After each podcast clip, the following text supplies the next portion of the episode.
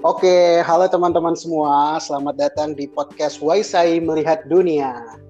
Nah, di podcast Waisai Melihat Dunia ini adalah salah satu program kerja tim KKN PPM UGM di Distrik Waisai Raja Ampat yang bertujuan untuk memberikan perspektif baru kepada teman-teman yang ada di Waisai maupun masyarakat umum yang dapat mendengarkan langsung ya nanti di Spotify tentang apa apa aja sih uh, pengalaman teman-teman kita yang nantinya pasti akan jadi pembicara di sini pengalaman mereka menetap dan hidup di luar negeri yang akan kita bahas tuntas dari berbagai perspektif seperti itu. Nah, kebetulan ini adalah episode pertama debut podcast, jadi pastinya episode yang sangat spesial dan kita juga sudah kedatangan bintang tamu yang sangat spesial juga. Mungkin uh, aku perkenalkan dulu bintang tamunya uh, pada hari ini kita sudah kedatangan bintang tamu yang namanya Aziz Akbar. Dia ini adalah salah satu uh, siswa atau bisa dibilang mantan ya karena mungkin uh, sudah menjalani programnya mantan siswa pertukaran pelajar yang dulu pernah hidup selama satu tahun di Italia. Nah, si Aziz ini juga udah bergabung bersama kita di sini untuk bisa sharing-sharing pengalamannya selama di Italia. Mungkin kita sapa dulu ya Aziznya. Halo Aziz, apa kabar? Halo Aca, kabar baik. Alhamdulillah. Kabar kabar Aca gimana nih? Wah, baik-baik juga sis. Ini okay. gimana sih? Sekarang lagi di mana sis? Sekarang aku lagi di kota kelahiranku nih, lagi di Lombok. Oke, Aziz lagi di Lombok ya. Nah, jadi uh, Aziz ini dulu pernah satu tahun tinggal di Italia, tepatnya di Sardinia ya Aziz ya? Betul. Oke, nah mungkin Aziz boleh cerita-cerita dulu sedikit nggak? Mungkin overview gimana uh, Aziz dulu uh, pernah menjalani program pertukaran pelajar dan tinggal di Italia selama satu tahun. Oke, okay, thank you, Ca. Uh, jadi, uh, halo teman-teman semua. Uh, perkenalkan, aku Aziz uh, Akbar. Uh, aku sekarang mahasiswa di salah satu perguruan tinggi di Pulau Jawa. Dulu pas SMA, aku ikut mendapatkan kesempatan untuk ikut di program pertukaran pelajar uh, ke Italia. Seperti tadi udah dijelasin sama Aca ya. Nah, um, sebenarnya itu pertukaran pelajar yang berdurasi selama satu tahun. Jadi kurang lebih hampir satu tahun uh, aku di sana tinggal bersama orang tua angkat dan sehari-hari hampir sehari-hari yang menjalani kegiatan bersekolah uh, di SMA seperti siswa SMA pada umumnya gitu. Cuma bedanya um, teman-temanku yang lain di Indonesia itu SMA-nya di Indonesia, aku waktu itu SMA-nya satu tahun di luar negeri gitu. Oke, wah menarik sekali ya. Berarti Aziz ke sana itu nggak hanya merasakan aspek kehidupan warga lokal, tapi juga sampai masuk ke aspek pendidikan kayak gitu ya Aziz ya? Betul, betul. Dan satu aspek lagi sebenarnya yaitu hmm. um, belajar budaya. Oh ya, itu juga penting ya belajar budaya ya. Benar, iya. benar, benar.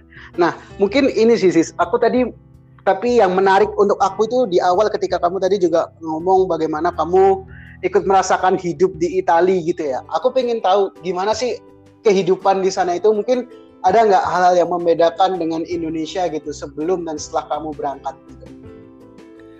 Uh? Um, Oke okay, mungkin kalau dari tempat tinggal itu um, pasti beda ya. Uh, aku pertama kalinya um, coba tinggal di sebuah negara yang uh, mengalami empat musim yang berbeda.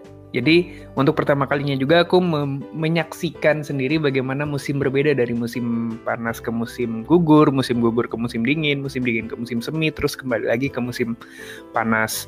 Nah setiap musim itu juga eh, orang-orang berpakaian berbeda, terus jam makannya juga berbeda. Jadi kayak aku melihat keluargaku juga uh, kehidupannya tidak berubah drastis, tetapi mengikuti perubahan terhadap um, musim yang berubah gitu. Nah, jadinya uh, banyak dari mereka yang aku lihat itu kayak lebih menghargai waktu setiap setiap musim yang berbeda. Jadi intinya apa ya? Mungkin kayak eh ini nih mumpung masih musim semi kita melakukan banyak kegiatan gitu sebelum berganti musim. Jadi orang di sana hmm. kurang lebih menghargai uh, setiap momen yang ada gitu loh. Oke. Oke, berarti uh, ini ya lebih kepada mereka bagaimana mereka itu juga living the life gitu ya. Ketika ketika memang ada momen tertentu mereka juga mencoba membuat momen itu berkesan gitu ya sis ya. Betul betul betul. Hmm. Oke okay, oke. Okay. Kalau hal yang paling membedakan apa sih sis dari Italia sama Indonesia mungkin selama hidup di sana? Uh, banyak ya sebenarnya membedakan. Um, tapi lebih banyak ke hal-hal kecil sih. Mungkin ya kalau yang paling membedakan jelas orangnya beda ya. Uh, mm-hmm. Dalam artian um, bahasanya beda itu yang paling utama.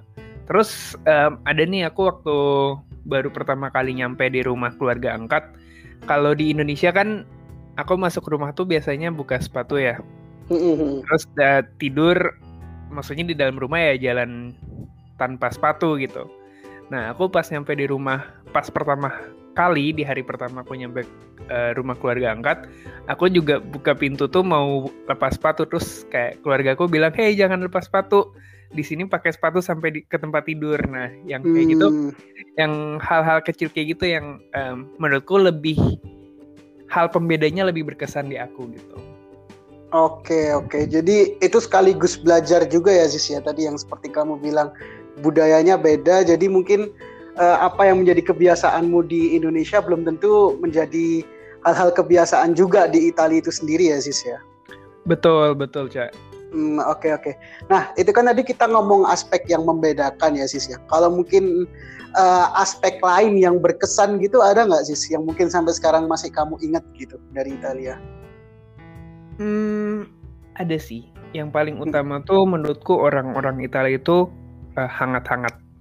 Oke. Okay. Dan uh, dan aku kan juga nanya sama teman-temanku yang uh, pernah tinggal di luar negeri juga dan mm -hmm. di kota-kota lain di Eropa selain di Italia. Nah, rata-rata memang dari sudut pandangku dan dari teman-temanku juga orang Italia itu salah satu yang paling hangat di antara negara-negara Eropa lainnya. Hmm, hangat okay. tuh maksudnya kayak ramah, terus misalnya uh, suka ngobrol um, ketika ada orang berbicara suka diperhatikan gitu kayak sangat mirip ya sama Indonesia gitu hmm, jadi oke okay, oke okay. jadi gitu pas aku tinggal di sana kayak nggak aku ngerasa bahwa nggak terlalu jauh perbedaannya antara Indonesia bagaimana orang-orangnya sangat hangat dan mungkin karena itu juga uh, banyak orang yang bisa berbau dengan orang Italia gitu juga loh. Oke, oke. Kamu juga akhirnya merasa welcome ya Sis ya ketika pertama kali datang ke sana karena yang seperti kamu tadi bilang orangnya hangat-hangat juga ya Sis ya. Iya betul sekali. Oke. Nah mungkin selain kehangatan dari orang Italia sendiri gitu ya, mungkin ada nggak sih pengalaman ter tertentu gitu yang bisa di share ke teman-teman yang lagi dengerin nih uh, sesuatu yang benar-benar masih juga nggak terlupakan gitu uh, dari kamu mungkin bersama teman-teman atau pengalaman jalan-jalan mungkin gitu? Uh, ya aku um, momen aku di sekolah ya mungkin aku nggak bisa lupain sampai sekarang. Kayak aku hmm. Uh, punya kesempatan untuk uh, sekolah di luar negeri, di mana aku orang asingnya gitu kan kalau oh, di Indonesia okay. kalau misalnya kita ke sekolah internasional gitu ada orang bule nah kita tetap orang Indonesia yang menerima orang asing nah aku kemba sekarang giliran aku nih yang menjadi orang asing di sekolah hmm.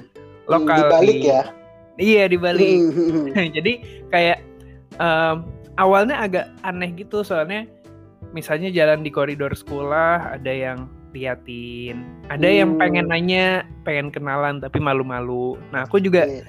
di awal-awal juga malu-malu buat kenalan Nah, tapi lama-kelamaan akhirnya selama setahun kan waktu yang nggak terlalu lama tapi nggak terlalu singkat juga. Nah, aku um, akhirnya banyak kenalan dan banyak temenan juga sama orang-orang di uh, teman-teman kelasku dan teman-teman sekolahku dan sampai sekarang masih masih berhubungan baik lewat chat. Oke, wah ini menarik sekali ya teman-teman gimana pengalamannya Aziz ini bisa membuat dia punya teman baru yang bahkan sampai sekarang tuh masih berkomunikasi dan saling bertukar pengalaman gitu ya sis ya? Iya betul. Wah menarik nih asik-asik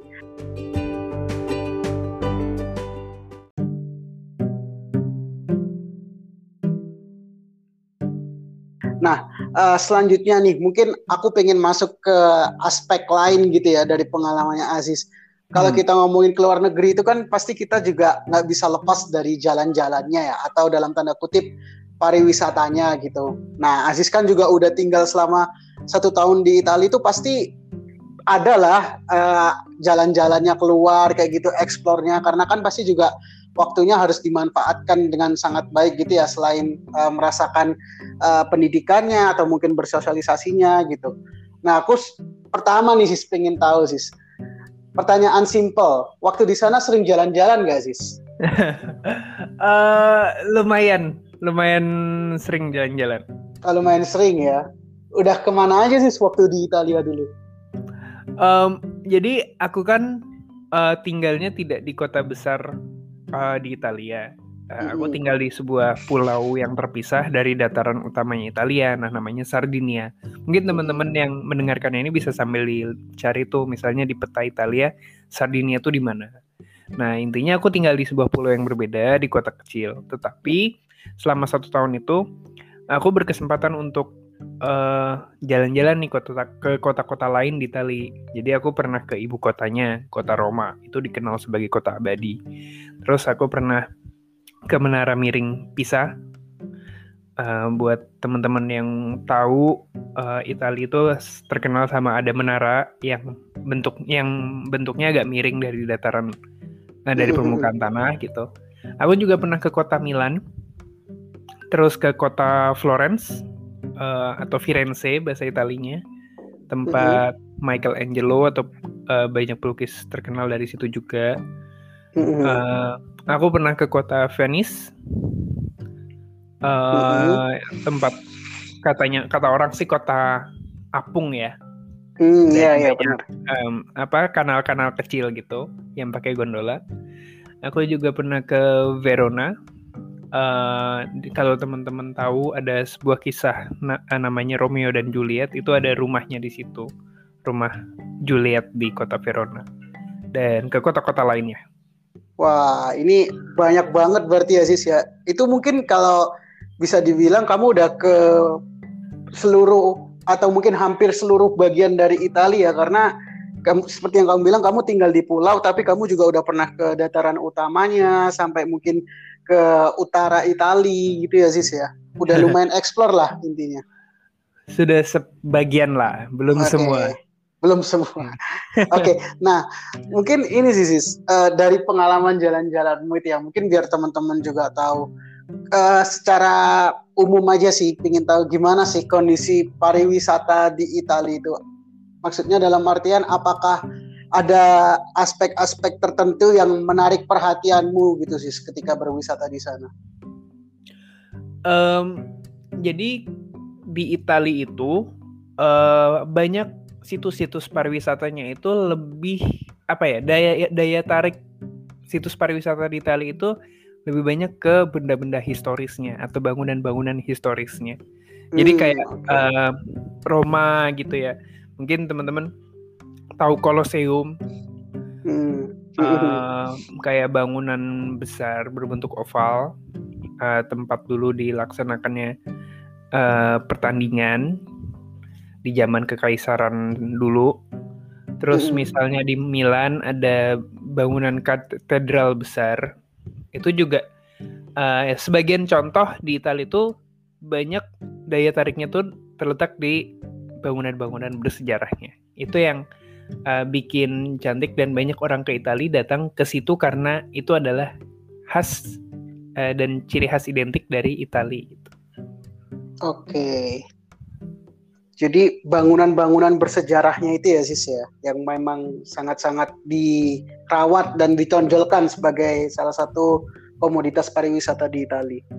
Betul betul, karena um, mereka punya tempat-tempat wisata alam yang menarik, hmm. bagus. Misalnya di Sardinia, pul uh, Pulau Sardinia itu pantainya bagus-bagus dan uh, banyak orang Eropa yang bilang Sardinia itu kurang lebih kayak Balinya Eropa lah. Uh, Hmm, karena. Oke. setiap mm, karena setiap musim panas gitu banyak orang berbondong-bondong datang ke pulau itu. Kalau misalnya mereka mau ke Bali kemahalan gitu. Jadi Hmm, mereka ke Pulau Sardinia buat Iya. nikmatin pantai, buat nikmatin Oke. musim panas di situ. Nah, tetapi em, kalau dilihat perbandingannya antara wisata alam sama wisata bersejarah, lebih banyak mungkin 80%-nya lebih banyak di wisata bersejarahnya yang eh, ditonjolkan sama Itali. Oke, menarik menarik ya. Berarti tadi seperti dibilang walaupun ada wisata alam yang mungkin mirip Bali gitu ya di di Italia, mungkin itu di tempat tinggalnya Aziz juga ya tadi ya di Sardinia ya. Iya di Cuma- Sardinia. Ah, ah, cuma memang sejarahnya Italia pun juga sangat panjang gitu mungkin ya Aziz ya. Jadi mereka juga sangat menjual gitu untuk ditunjukkan ke para turis yang datang ke Italia setiap tahunnya gitu ya Aziz. Betul, termasuk orang Indonesia loh yang jalan-jalan ke Italia banyak. Kalau bukan Oh. di zaman Covid ya. Hmm, oke oke banyak juga ya berarti orang Indonesia di sana ya. Banyak, banyak. Oke oke menarik menarik. Nah Ziz mungkin ini tadi kamu udah cerita banyak kan tentang pariwisata Italia. Nah mungkin dari perspektifnya Aziz juga yang sudah banyak jalan-jalan dan eksplor di Italia, gimana sih menurutmu wisata kita jika dibandingkan dengan eh, Italia gitu? Apakah mungkin lebih bagus sana, lebih bagus ini, atau ada perspektif lain mungkin Ziz? Hmm, oke. Eh, Sebenarnya kalau menurutku eh, kita tuh punya potensi wisata yang besar sekali ya. Eh, dan kalau masalah tentang daya tarik atau daya jual pariwisata ya tiap negara punya ciri khasnya beda-beda. Misalnya kayak tadi aku bilang di Italia itu lebih banyak di bangunan historisnya. Hmm, Nah, Oke. Eh, menurutku di Indonesia juga ada tuh bangunan historisnya kayak Candi Prambanan, Candi Borobudur, eh, Hmm. dan masih banyak lagi. Tetapi kalau tadi aku mungkin bilang Italia itu perbandingannya 20% wisata alam, 80% wisata bersejarah. Menurutku di Indonesia tuh lebih banyak 80% justru di wisata alam. Gimana Oke. indahnya Pulau Bali, indahnya Pulau Lombok dan bahkan Raja Ampat.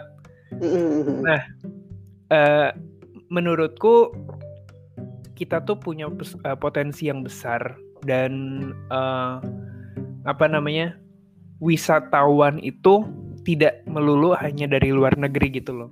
Oke, benar-benar. Bahkan eh, sesama orang Indonesia aja belum semuanya tuh yang datang berkunjung ke kota lain di Indonesia. Hmm. Temenku ada tuh banyak yang belum pernah boro-boro ke Raja Ampat, ke Sulawesi aja yang sedikit lebih barat aja belum pernah gitu. Padahal Oke, di benar.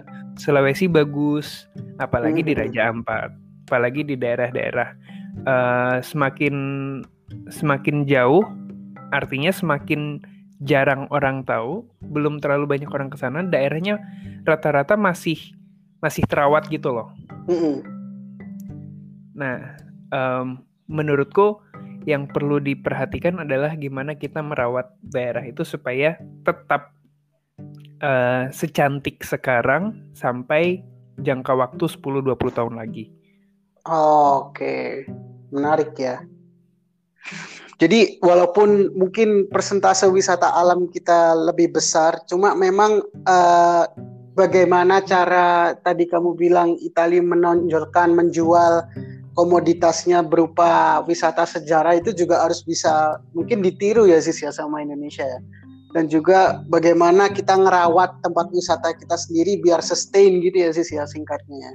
Betul, betul. Aku tambahin dikit ya, pengen nambahin Boleh. dikit. Italia itu em, adalah negara yang paling banyak situs warisan dunianya yang diakui oleh UNESCO. Jadi Oh, Oke.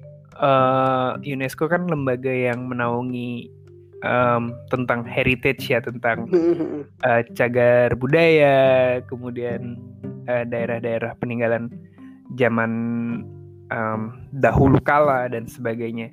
Dan kita di Indonesia itu banyak juga nih eh, situs-situs alam yang di, diakui UNESCO dan dili- dilindungi oleh Hmm. UNESCO. Misalnya kayak Candi Borobudur em, dan masih banyak lain.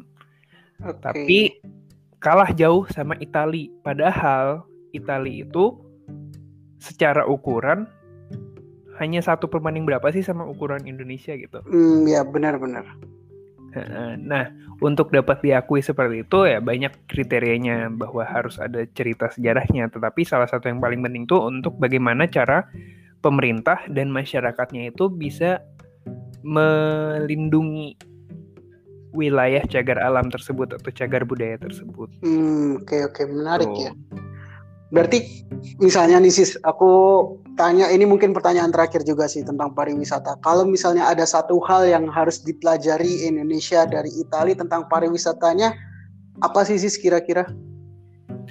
Um, menurutku kalau misalnya uh, ini, kalau misalnya kita menjual wisata kita cagar alam, mm-hmm. orang kan uh, maksudnya wisata alam orang kan datang untuk menikmati wisata alamnya gitu nah um, kalau orang datang misalnya ke Italia itu kan untuk menikmati wisata bangunan sejarahnya yeah, nah betul. nanti kalau dia datang ke situ lima tahun lagi terus ada bangunan yang uh, bagian bangunan yang rusak itu kan bisa dibangun bisa di hmm.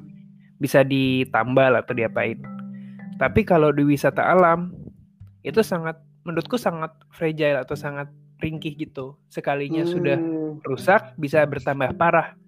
Iya iya iya.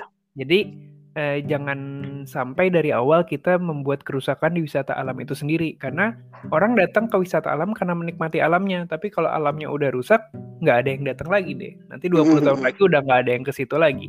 Okay. Gimana caranya nggak rusak ya misalnya uh, kalau misalnya orang wisata alamnya ke pantai ya jangan sampai pantainya jadi kotor atau jangan sampai uh, orang dulu ke pantai karena pengen ngelihat ikan. Jangan sampai ikannya jadi nggak ada gitu di di waktu yang akan datang. Gitu. Oke okay, I see. Jadi lebih ke aspek kita yang punya apa ya mungkin skop kita itu kan cagar alam ya sis ya. Itu yang harus dilindungin ya. Karena Betul. kalau rusak atau berubah sedikit ya udah gitu loh. Beda sama cagar budaya yang mungkin bisa sedikit dimodifikasi lah seperti itu ya sis ya Betul, betul. Oke, menarik, menarik. Jadi itu mungkin ya teman-teman ketika kita membicarakan pariwisata lebih ke bagaimana kita juga harus bisa merawat pariwisata kita itu sendiri, tidak hanya menikmatinya seperti itu.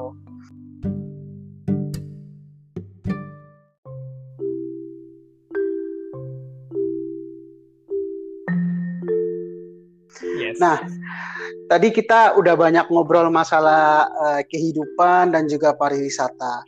Tadi tapi di awal Aziz tuh sempat menyinggung masalah pendidikan juga bersekolah di Itali seperti itu ya. Nah mungkin kita bisa ngobrolin lebih lanjut nih sis tentang itu.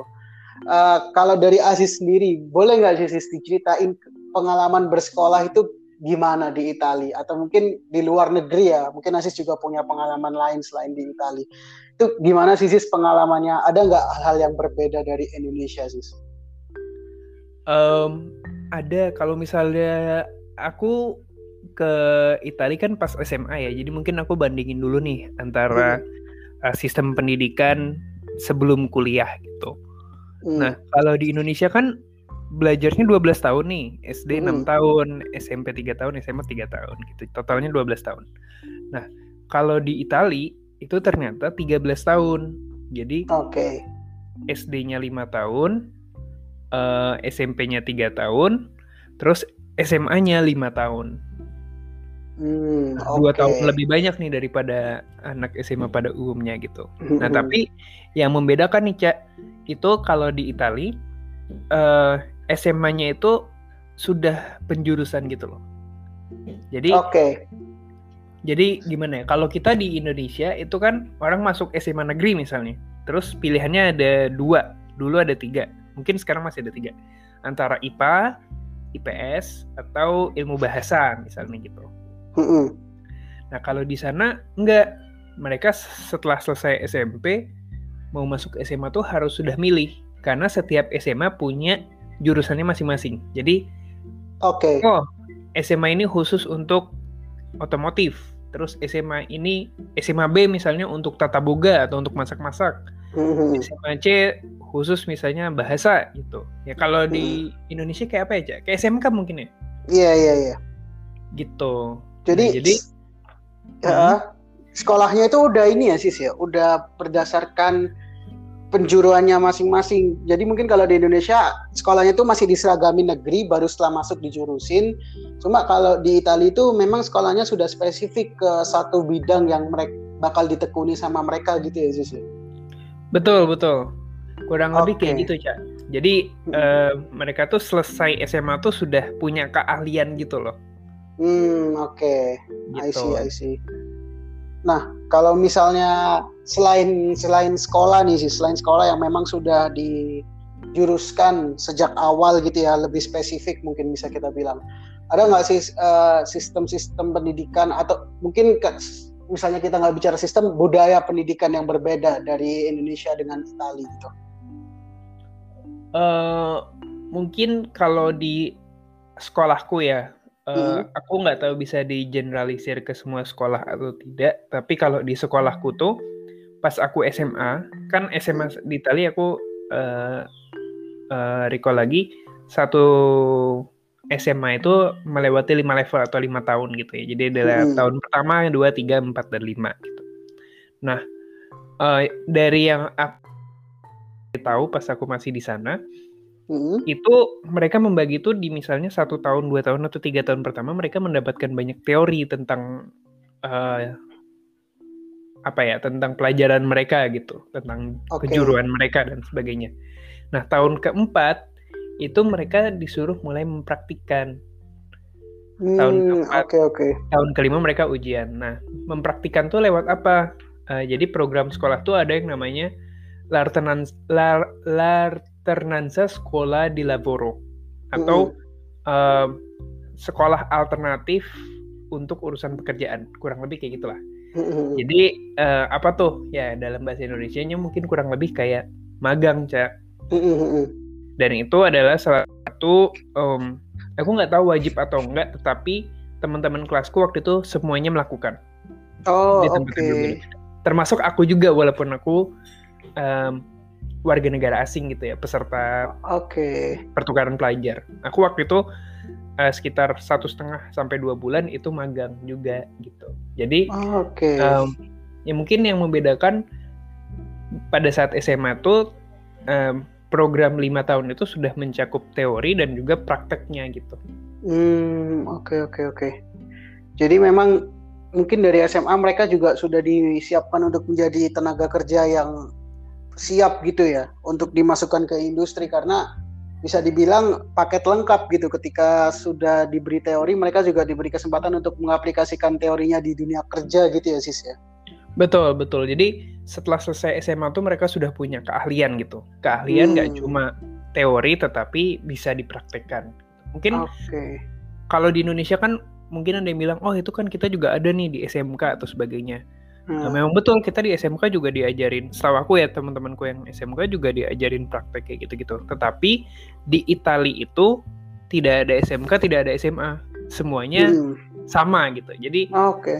semua pelajar di Italia pasti punya uh, kurang lebih kejuruan dan keahlian seperti itu setelah selesai SMA. Sementara kalau kita kan di Indonesia um, punya pilihan nih mau SMA atau SMK. Kalau yang milihnya SMA kan tidak mengikuti proses seperti SMK gitu, Cak. Oke, menarik menarik. Jadi kalau di Italia itu memang prosesnya itu benar-benar dipikirkan secara matang ya. Dan mungkin walaupun nambah waktu dua tahun dibandingkan dengan Indonesia, cuma memang kalau dibandingkan segi outputnya memang mungkin lebih siap sistem pendidikan Italia gitu ya, terutama untuk sekolah menengah ke atasnya gitu ya, Sis ya. Iya, mungkin mungkin bisa dibilang gitu. Oke, menarik menarik. Nah, Ziz, mungkin ini uh, juga pertanyaan yang sedikit subjektif, cuma uh, bisa dijawab melalui pengalamannya Aziz sendiri juga. Kalau menurut Aziz, ketika sudah mengalami apa itu sekolah di luar negeri dan tadi sudah cerita juga gimana perbedaan sistemnya, kira-kira dari kacamata sudut pandang Aziz perlu nggak sih anak-anak Indonesia itu bersekolah sampai luar negeri gitu.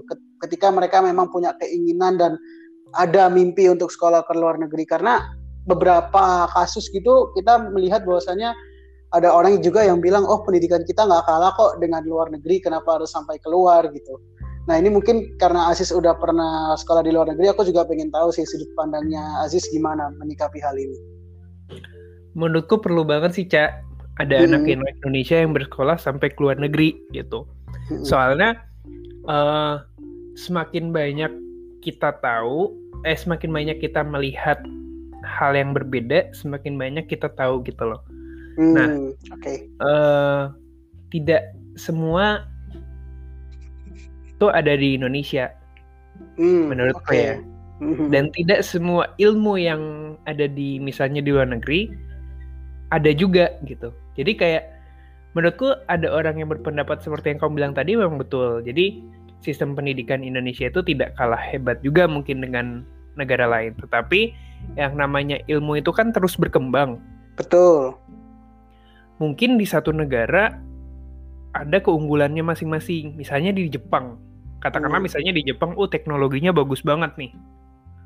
Mhm. Terus misalnya di Italia, Italia itu terkenal banget sama eh, fashion mode-nya atau em, tentang tata busananya itu Mm-mm. mereka terkenal gitu. Nah, sementara Indonesia kan keahliannya mungkin bukan di situ satu sisi, mungkin Oke. masih sedang berkembang menuju sejago mereka gitu. Mhm. Eh, kita bisa mempercepat proses berkembangnya kita itu dengan belajar dari orang-orang atau tempat-tempat negara lain yang sudah jago di bidang itu. Oke. Jadi menurutku perlu sih anak-anak Indonesia buat bersekolah ke mana saja yang Mhm. eh, memang tempatnya itu terbaik untuk menimba ilmu. Oke, I see, I see. Ini menarik sekali ya poin dari Aziz nih ketika mengatakan sebenarnya itu kalau kita ngomong perlu nggaknya itu bukan karena di poin bagus atau tidaknya sistem pendidikan, tapi lebih kepada bagaimana kita bisa menangkap berbagai perspektif yang ada di ilmu pendidikan itu sendiri ya, Aziz ya. Betul. Karena karena memang tidak bisa dipungkiri seperti yang Aziz bilang tadi, ilmu itu dinamis yang pertama dan sebenarnya mungkin karakteristik eh, ilmu yang dipelajari di tiap negara itu juga berbeda-beda gitu loh. Mulai dari spesifikasinya dan substansinya juga mungkin. Jadi pun nggak ada salahnya gitu ya ketika ketika kita sekolah ke luar negeri itu bukan berarti sistem pendidikan kita nggak baik, tapi memang karena ketika kita sekolah ke luar negeri kita akan mendapatkan perspektif baru yang di mana itu juga bisa menambah kasana pengetahuan kita ya Sis ya. Iya, mungkin kurang lebih gitu, Cak. Oke, mantep bang.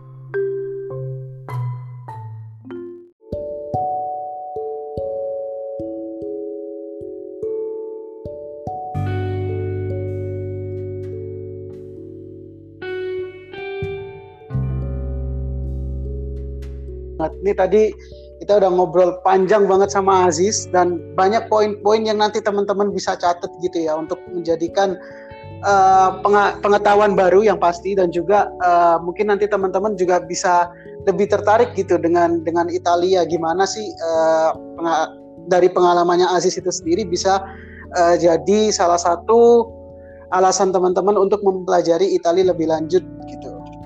Nah, mungkin ini kita udah masuk ke penghujung podcast nih Sis.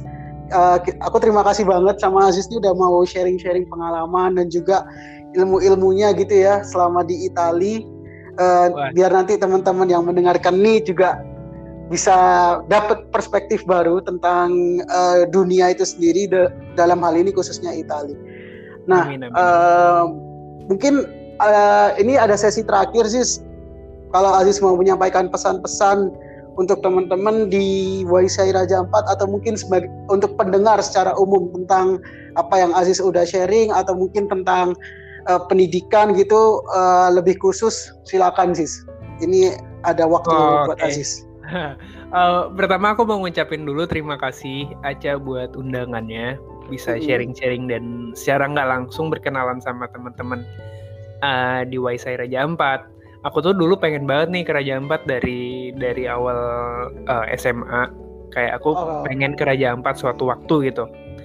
Tetapi em, waktu itu sudah nyiapin pengen KKN kuliah juga di Raja Ampat, tetapi ternyata aku sudah KKN duluan di tempat lain dan kondisi pandemi ini kurang memungkinkan untuk jalan-jalan jauh. Nah, Hmm. Em, jadi aku pengen mungkin nanti kalau ada kesempatan ke Raja Ampat, entah itu tahun ini, tahun depan atau lima tahun, 10 tahun lagi, kira-kira Raja Ampat masih sama nggak ya dengan indahnya Raja Ampat yang selama ini diceritakan orang-orang gitu. Jadi hmm. uh, mungkin uh, semoga Raja Ampat masih sangat masih cantik seperti sedia kala, uh, masih indah sedia kala, tidak ada yang berkurang supaya aku atau mungkin teman-temanku dari Italia mungkin yang mau datang ke Raja Ampat entah itu tahun depan, lima tahun atau 10 tahun lagi, Raja Ampat masih sama gitu. Nah, oke. Okay. Gitu. Terus yang kedua boleh kan, ya? Boleh, boleh, buat, silakan, silakan. buat teman-teman uh, uh, di Waisai Raja Ampat atau pendengar siapa pun yang lagi lagi menimba ilmu, maksudnya mungkin lagi di, di sekolah, terus uh, mau naik SMP, mau naik SMA, atau bahkan sekarang sudah mau nyari kuliah. Um, menurutku uh, kita bisa menimba ilmu di mana saja tentang apa saja yang menjadi minat kita, asalkan kita serius untuk uh, menimba ilmu itu, nggak main-main gitu loh. Jadi entah itu mau kuliah di Indonesia, di luar negeri, atau um, di tempat lain mana pun, yang penting kita tahu bahwa tempat itu adalah tempat yang tempat untuk kita belajar. Misalnya uh, di Indonesia itu tempat yang baik untuk belajar, misalnya ya ramuan tradisional ya belajar. Terus ada yang mau belajar robot misalnya. Kalau pilihannya ada Indonesia dan Jepang terus ke Jepang itu ada kenapa nggak coba sekalian ke tempat yang memang menjadi ciri khas atau menjadi um, tempat yang sudah jago di bidang itu gitu. Jadi kayak tadi Aca udah simpulkan memilih tempat belajar tuh carilah tempat yang terbaik kurang lebih gitu. Bukan tempatnya di mana tetapi tempat yang terbaik itu di mana. Oke. Mantap sekali nih ya tadi pesan-pesan dari Aziz. Jadi yang kalau bisa kita ambil sebagai quote untuk podcast hari ini adalah uh, untuk belajar tuh pilihlah tempat yang terbaik gitu ya Sis ya. Bukan masalah di mananya tapi terbaiknya itu loh yang harus kita perhatikan. Betul. Gitu ya Sis ya. Sesuai, sesuai dengan bidang ilmu kita ya. Hmm, oke okay, benar benar sesuai dengan bidang ilmu dan uh, ketertarikan kita di mana gitu ya Aziz ya. Betul, betul. Oke, okay. wah ini keren banget ya Aziz udah banyak banget sharing-sharing hari ini. Terima kasih banyak Aziz uh, atas kehadirannya dan juga kesempatannya untuk bisa ngobrol bareng. Semoga ya. apa yang Aziz sampaikan ini juga bermanfaat bagi teman-teman semua ya yang lagi mendengarkan kayak gitu. Untuk Aziz uh, sekali lagi terima kasih sehat-sehat terus ya Aziz ya di masa sehat, pandemi juga. ini. Semoga kita punya uh, kesempatan ngobrol-ngobrol juga. Uh, dan untuk teman-teman yang lain, terima kasih sudah mendengarkan uh, episode Waisai melihat dunia yang pertama ini. Semoga uh, apa yang kita lakukan hari ini bisa bermanfaat juga dan tentunya teman-teman harus nantikan episode-episode selanjutnya yang pastinya juga gak kalah menarik dan kita juga bakal membahas negara-negara lain dengan narasumber-narasumber yang juga pastinya berkompeten dan punya pengalaman untuk bersekolah di luar negeri. Oke, mungkin itu dulu dari aku uh, untuk episode hari ini. Sampai bertemu di episode selanjutnya. Dadah teman-teman semua.